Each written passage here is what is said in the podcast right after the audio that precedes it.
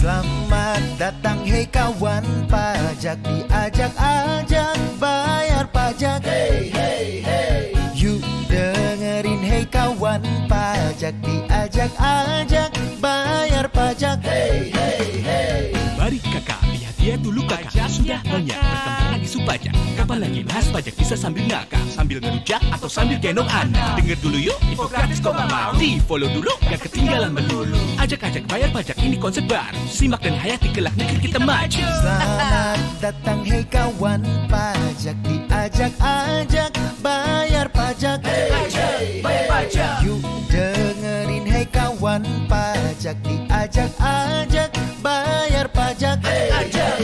pajak Semua orang punya caranya sendiri untuk mengekspresikan cinta Indonesia.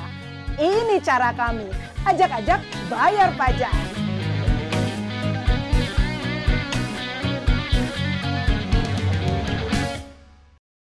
Halo kawan pajak, bagaimana kabar Anda hari ini? Selamat datang dalam podcast Ajak-ajak bayar pajak edisi perdana. Peluncuran podcast resmi di Jen Pajak kali ini juga bertepatan dengan pelaksanaan Spektakuler 2020 dan dalam rangka menyambut Hari Uang ke-74. Senang sekali rasanya saya Ani Natalia dari Humas Ditjen Pajak RI memandu podcast Ajak-ajak Bayar Pajak dengan tema Bergerak Bersama Pulihkan Ekonomi Nasional. Mengapa tema podcast dan event spektakuler kita kali ini adalah Bergerak Bersama Pulihkan Ekonomi Nasional? Pemerintah dan Direktorat Jenderal Pajak telah berupaya keras menanggulangi COVID-19 dan menyelamatkan perekonomian Indonesia. Sebagai masyarakat, wujud dukungan yang dapat diberikan adalah dengan patuh dan taat pajak. Anggaran pajak ini sebagian besar akan digunakan untuk mendukung program kesehatan, perlindungan sosial, insentif usaha, pembiayaan korporasi dan UMKM. Pemerintah pun telah memberikan stimulus berupa insentif pajak selama pandemi COVID-19 sampai Desember 2020 nanti. Stimulus tersebut merupakan upaya pemerintah memulihkan ekonomi nasional. Harapannya, melalui kampanye olahraga seperti virtual run, senam ala spektakuler, dan juga bincang-bincang bersama atlet nasional Indonesia, Ditjen Pajak bisa mengajak masyarakat untuk lebih taat pajak serta memanfaatkan insentif selama pandemi COVID-19 dan melaporkan realisasinya. Di tengah-tengah kita telah hadir seorang atlet bulu tangkis nasional yang sudah tidak diragukan lagi prestasinya, baik di kancah nasional maupun internasional. Pemuda ini lahir di Jakarta 15 September 1997. Pada Juli 2013, ia memenangkan gelar internasional senior pertamanya pada usia 15 tahun, yaitu di Indonesia International Challenge. Pada tahun 2015, ia semakin sering mengikuti turnamen-turnamen senior di level yang lebih tinggi, seperti Grand Prix, Grand Prix Gold Super Series, dan Super Series Premier. Dia juga termasuk salah satu andalan Indonesia pada Sudirman Cup, SEA Games, dan Thomas Cup 2016. Pada tahun 2009, ia juga muncul sebagai peran pendukung dalam sebuah film bertema bulu tangkis yaitu King. Pemuda ini tidak lain dan tidak bukan adalah Jonathan Christie atau biasa dipanggil Jojo. Halo Jojo, apa kabar? Halo Kak, baik-baik. Wah, senang banget nih. Selamat datang ya di Iya. podcast Ajak-Ajak Bayar Pajak.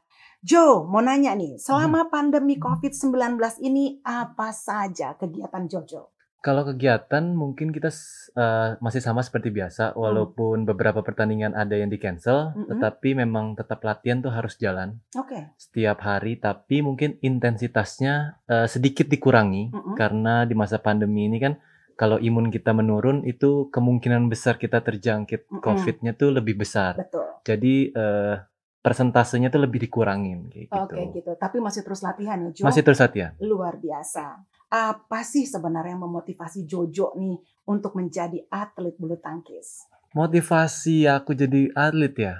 Kalau dulu dulu sih aku lebih diarahin sama orang tua gitu. Hmm. Sebelum akhirnya aku mungkin menemukan menemukan apa ya? Menemukan visi misi aku sendiri di Hmm. di dunia atlet tuh seperti apa. Nah, jadi kalau mungkin kalau dulu papa eh, ngasih arahannya tuh di saat-saat aku waktu SD kelas 1. Mm-mm. Jadi waktu itu ada ekstrakurikuler, Mm-mm.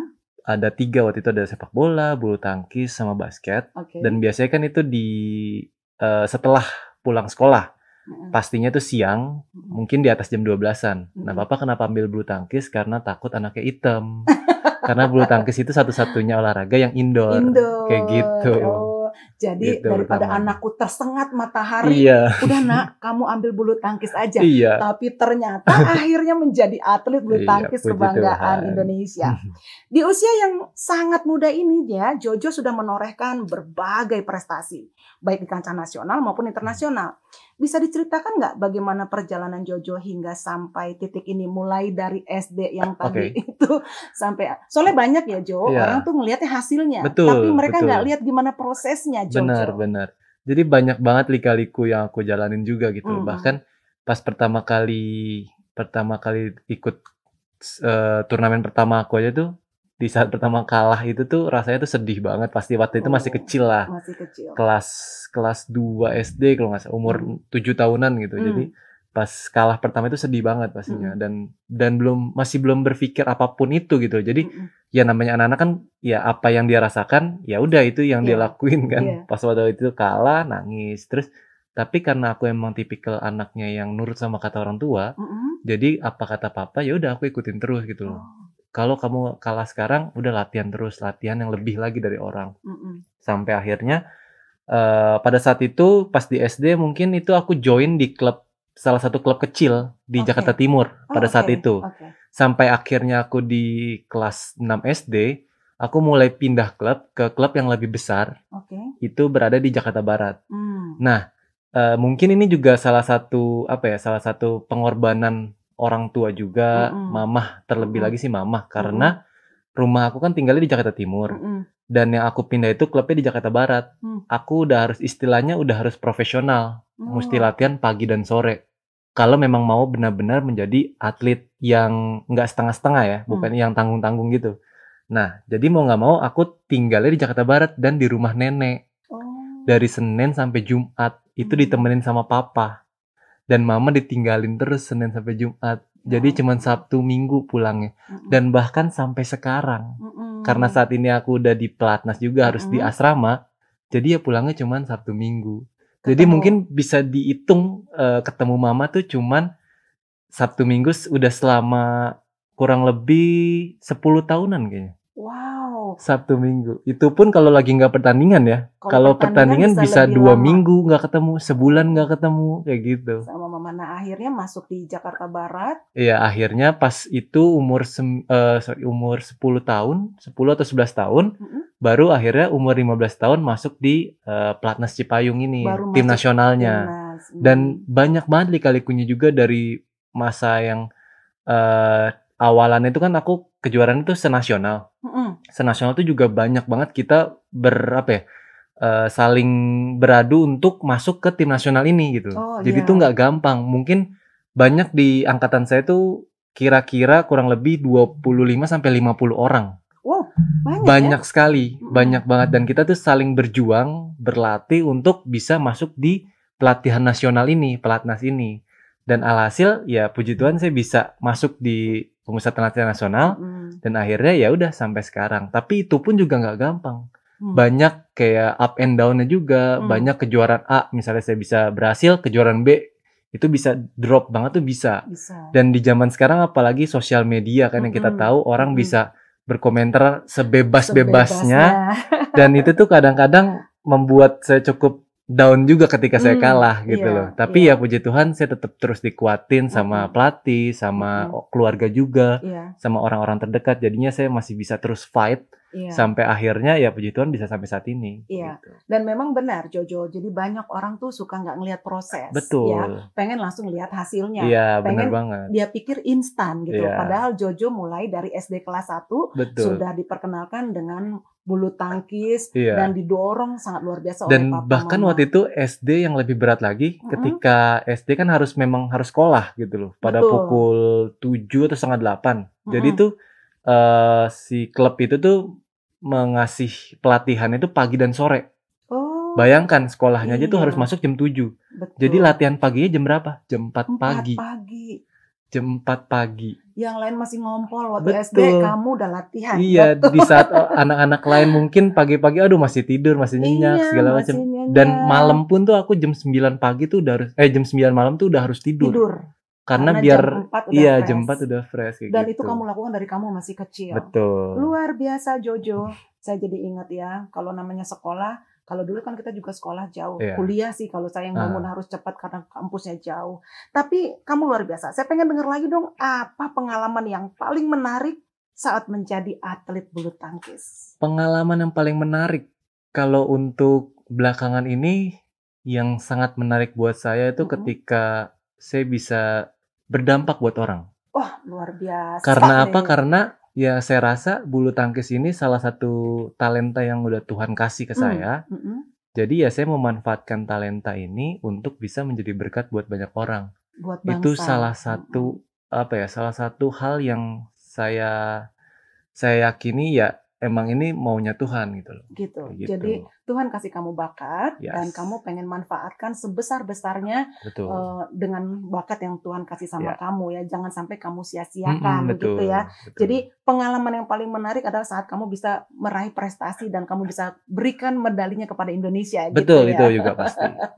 saya saya kebayang ya Jo, nonton kamu aja ketika kamu dikalungkan medali dan bendera kita naik itu saya Iya. bisa nangis tuh Jo Iya. gitu ya. Karena saya begitu mencintai dan bangga sekali sama Iya. Jojo. Nah, em, mungkin nih Jo di pendengar sana kawan pajak ada juga yang Hmm. mungkin hobi olahraga Oke. gitu ya. Menurut kamu tips apa kalau dia untuk menjadi olahragawan eh, atau atlet berprestasi? Kalau tips dari Jojo apa kira-kira? Eh, mungkin kalau misalnya benar-benar kita mesti pisahin dulu ya atlet yang mau benar-benar prestasi Mm-mm. atau cuma untuk olahraga aja. Nah, itu dia. Kalau untuk yang berpre- be- berprestasi memang nggak nggak nggak bisa instan, Gak bisa instan. harus dari kecil. Betul. Nggak bisa umur misalnya tanggung di SMP SMA tuh kemungkinan eh, berhasilnya tuh kecil banget. kecil. Memang harus dari kecil sudah dididik untuk menjadi seorang atlet. Atlet. Kalau Oh, iya. misalnya untuk hanya mau olahraga ya semua orang bisa nggak apa-apa nggak masalah gitu. Kapan Selagi. Hmm. selagi kapasitas di dalam tubuhnya tuh masih mencukupi kayak gitu. Jadi tipsnya adalah kalau mau jadi atlet, mungkin putra-putra mereka dan Iya. sekarang juga bisa. Betul. Kalau dia mau olahraga biasa, ya pokoknya eh, ke- ketika kapasitas tubuh anda Iya. masih bisa Betul. berolahraga lah gitu Iya, ya. apa pun itu sebenarnya sih, bukan bulu tangkis aja. Bukan bulu tangkis. Karena ya. olahraga memang salah satu hal yang dibutuhkan banget, apalagi di pandemi seperti ini. Kayak gitu. Hmm. Nah, itu dia nih. Kalau lagi masa pandemi kayak gini kan orang pasti banyak teti- tapi kan kita kan nggak boleh kumpul-kumpul Mhm, banyak orang. Tuh mhm. tipsnya dari Jojo gimana nih? Kalau aku sih tipsnya mungkin buat yang paling gampang aja sih sebenarnya tuh lari atau jogging Mm-mm. di depan di depan komplek rumah kalian aja itu yang paling gampang, paling simple. Itu benar paling nih. simple. Iya benar. Karena kan banget. kalau orang kalau misalnya olahraga lain eh, katakanlah bulu tangkis mesti harus ada lawannya kan. lawannya Walaupun memang nggak ada body contact. betul. Kalau misalnya yang ada body contact ya saya itu nggak nggak rekomenin lah kayak Betul. basket, bola itu Iya. untuk sekarang jangan dulu gitu. Betul. Nah, tapi kan yang paling gampang yaitu Lari, lari, jogging, itu yang iya. sepedahan itu yang paling gampang. paling gampang ya. Bener juga nih karena ada acara spektakuler ini ada virtual Betul. run nih sebenarnya. Jadi mereka lari sendiri. Iya. Perlu ba- banget banget deh nih. Thanks Jo. Terus Jojo pernah bintangin film nih tahun 2009 Iya. ya. Ada rencana lagi nggak sih main film Jo? Aduh, untuk tanya rencananya sih untuk saat ini ya, saat ini aku nggak ada kepikiran. Mm-mm. Cuman suatu saat mungkin ketika udah pensiun dan masih Iya, masih punya chance untuk Iya. terjun di dunia hiburan ya kenapa enggak gitu. Oke. Aduh, kamu tuh orangnya ya begitu ada peluang bisa dilihat. Iya. Saya mau tuh anak muda Indonesia tuh harus begitu tuh. Jo, tadi kita udah cerita pengalaman Jojo. Iya. Nah, jadi dari kecil terima kasih loh sudah sharing. Jadi ngebayangin kamu jam 4 pagi udah dibangunin Iya. untuk pegang raket. Iya. Ya ampun luar biasa ya. Eh, jadi semua juga bisa tahu bahwa semua itu Hmm. harus pakai proses. Betul. Enggak langsung ujuk-ujuk bisa bawa medali gitu ya. Bener. Nah, Jo, eh, kita mau ngomongin tentang pajak nih, Jo. Mhm. Kalau Jojo kan eh, kami tahu ya, Jojo tuh karena kami punya datanya tapi nggak Iya. boleh diomongin Iya. ya. Tapi Jojo adalah salah satu pembayar eh, terbaik, pembayar pajak yang patuh lah Iya. di Indonesia. Saya bangga sekali karena kamu tidak hanya memberikan medali kepada Indonesia, tapi kamu benar-benar setia membayar pajak. Buat saya itu keren banget. Kamu Hmm. selama ini kalau bayar pajak yang ngajarin pertama bahwa harus bayar pajak siapa sih Jo? Pertama kali banget sih sebenarnya jujur aku juga dulu nggak nggak terlalu ngerti ya maksudnya pajak tuh kayak gimana sih dan Iya. mungkin ini ketakutan anak-anak muda juga nih yang Ah. saat ini nih kayak pajak itu tuh ribet nggak sih ngurusnya Eh, eh. terus pajak itu tuh konotasinya tuh udah, waduh, takut duit kita diambil apa segala macam. Iya. Nanti ada juga mungkin nih orang lain yang mikir anak muda lain kayak buat apa kita bayar pajak toh Mm-mm. nantinya di ya Diambil, disalahgunakan, diambil disalahgunakan. gitu kan. Ah, mm. Nah, sebenarnya nggak seperti itu. Mm. Sebenarnya itu bener-bener pelayanannya juga ramah banget, gampang Oh. banget. Apalagi aku kan di eh, KPP Pasar Rebo kan. Mm-mm, betul. Itu tuh bener-bener dibantu banget. oh. Bener-bener jadi apa pun itu yang tadinya aku nggak tahu nih. Mm-mm. Jadi itu bisa di- didetailin sedetail itu gitu. Dia jadi bisa, mesti oh, berapa pendapatan kamu, ini harus bayar segini, ini harus segini. Jadi itu benar-benar dijelasin. dijelasin. Itu tuh gampang banget. Mungkin kalau buat anak-anak muda yang mau bayar pajak, datang aja ke apa kayak KPP yang dekat rumahnya dia, Oke. kantor cabangnya yang dekat rumah mereka masing-masing kayak gitu. Jadi Iya, mungkin mereka bisa apa ya? eh, dapat pengetahuan. dapat pengetahuan lah itu Iya. intinya pertama kayak Iya. gitu. Jojo kayaknya aku jadi humas pajak berhenti aja kamu aja deh jadi Aduh, humas jangan. Soalnya benar banget Jo, kita tuh kemarin pas ngeliat, eh ada atlet Indonesia tapi dia juga eh, tidak hanya membawa nama harum bangsa Yes. gitu ya, yang bawa medali gitu. Tapi kamu juga mau bayar pajak nih, eh, papa mama kamu memang ngajarin gitu juga. Iya, sebenarnya kan mengharumkan nama Indonesia bukan dari kita jadi seorang atlet atau Oke. mungkin kita jadi eh yang yang yang mungkin eh, pandangan orang lain tuh, oh, gue mau jadi eh, membanggain Indonesia nih harus jadi atlet, harus Oh. jadi entertainment yang bisa membanggakan nama Indonesia. Enggak gitu. Sebenarnya kita orang-orang biasa juga bisa dengan apa? Dengan cara kita membayar pajak dengan taat itu pastinya. Ya Allah Jojo. Itu tuh gampang, gampang banget. Ya Oke lah ampun, mungkin mungkin kalian berpikir oh Mm. nanti duit pajak kita diambil apa segala macam. Ya Mm. udah itu kan urusan urusan masing-masing gitu. Hmm. Setidaknya kita sebagai warga Indonesia yang baik kita juga harus apa ya eh, mencontohkan kepada mungkin nantinya anak-anak cucu atau kita itu tuh bisa bayar pajak dengan taat kayak gitu. Jojo, Begitu. kalau saya dosen kamu saya kasih nilai A. Bener banget Jo. Jadi mungkin eh, terima kasih loh sudah sharing sama anak-anak muda. Saya bangga banget bahwa Hmm. Ya. membuat bangga Indonesia, berkontribusi kepada Indonesia itu tidak harus menjadi seorang atlet yang ngasih medali, Hmm. Yes. tapi bisa dengan jadi siapa pun Anda, siapa pun Ya. kita dengan kita setia bayar Betul. pajak supaya negaranya punya dana gitu. Iya betul. Betul, karena gini Jo, kita kan tahu bahwa dalam kondisi pandemi COVID-19 Hmm. ini, nggak cuma negara Indonesia, semua negara di semua. dunia lagi struggling. Betul. Kamu tadi cerita semuanya apa pertandingan aja di, Iya, ditunda. ditunda. Itu bisa ngebayangkan dampaknya Hmm, sampai ke sana gitu Jo. Nah, inilah pemerintah harus hadir Iya. kan. Makanya saat ini bagi kalau misalnya Jojo belum tahu, bagi para UMKM tuh sekarang dikasih insentif libur bayar pajak dulu. Oh Yang iya. penting kamu usaha jalan terus aja Iya, iya. gitu. Nah itu yang dilakukan. Mungkin biar eh, paham juga bahwa pajak ini manfaatnya tadi Jojo sudah. Iya. Saya jadi mau closing jadi susah karena kamu udah ambil bagiannya keren banget. jadi untuk bisa membawa apa mengharumkan Indonesia tidak harus dengan medali ya. Tadi Betul, kamu betul bagus sekali. Ya ampun, saya tersentuh sekali. Tapi memang benar Jo, karena harusnya pajak ini adalah culture. Iya, Jadi benar. eh, itu adalah budaya. Itu ada sense of belonging, rasa memiliki kepada bangsa, kemudian eh, sense of responsibility. Iya, Ini negara sama-sama kita, bangun sama-sama juga. aduh keren banget. Karena apa ya? Saya juga berpikir eh, kita tinggalnya tinggal di mana sih kita? Kita tinggal di Indonesia. Betul. Kita lahir di mana? Kita lahir di Di Indonesia. Kita kerja di mana? Kita Di kerja di Indonesia. Indonesia. Aduh, Ya cakep. kenapa enggak kita eh, apa ya membantu saling membantu satu sama lain untuk membangun Indonesia yang lebih baik kayak Iya. gitu. Nah tadi kamu, udah, saya juga bingung nih karena ada orang yang nggak mau bayar pajak tujuh karena ah nanti duitnya disalahgunakan. iya. Tapi Mak. Jojo tadi ngeliatnya itu terserah dia. Iya betul. Tapi saya harus kewajiban saya saya jalankan. Aduh, hebat Betul, banget sih padahal itu. usia kamu 23 tahun loh. Semoga bisa didengar oleh semua kawan pajak bahwa di Mudah-mudahan. usia muda ini bisa membawa harum nama bangsa tidak hanya dengan medali tapi juga dengan berkontribusi Ya. kepada negara. Karena namanya ada sense of participation.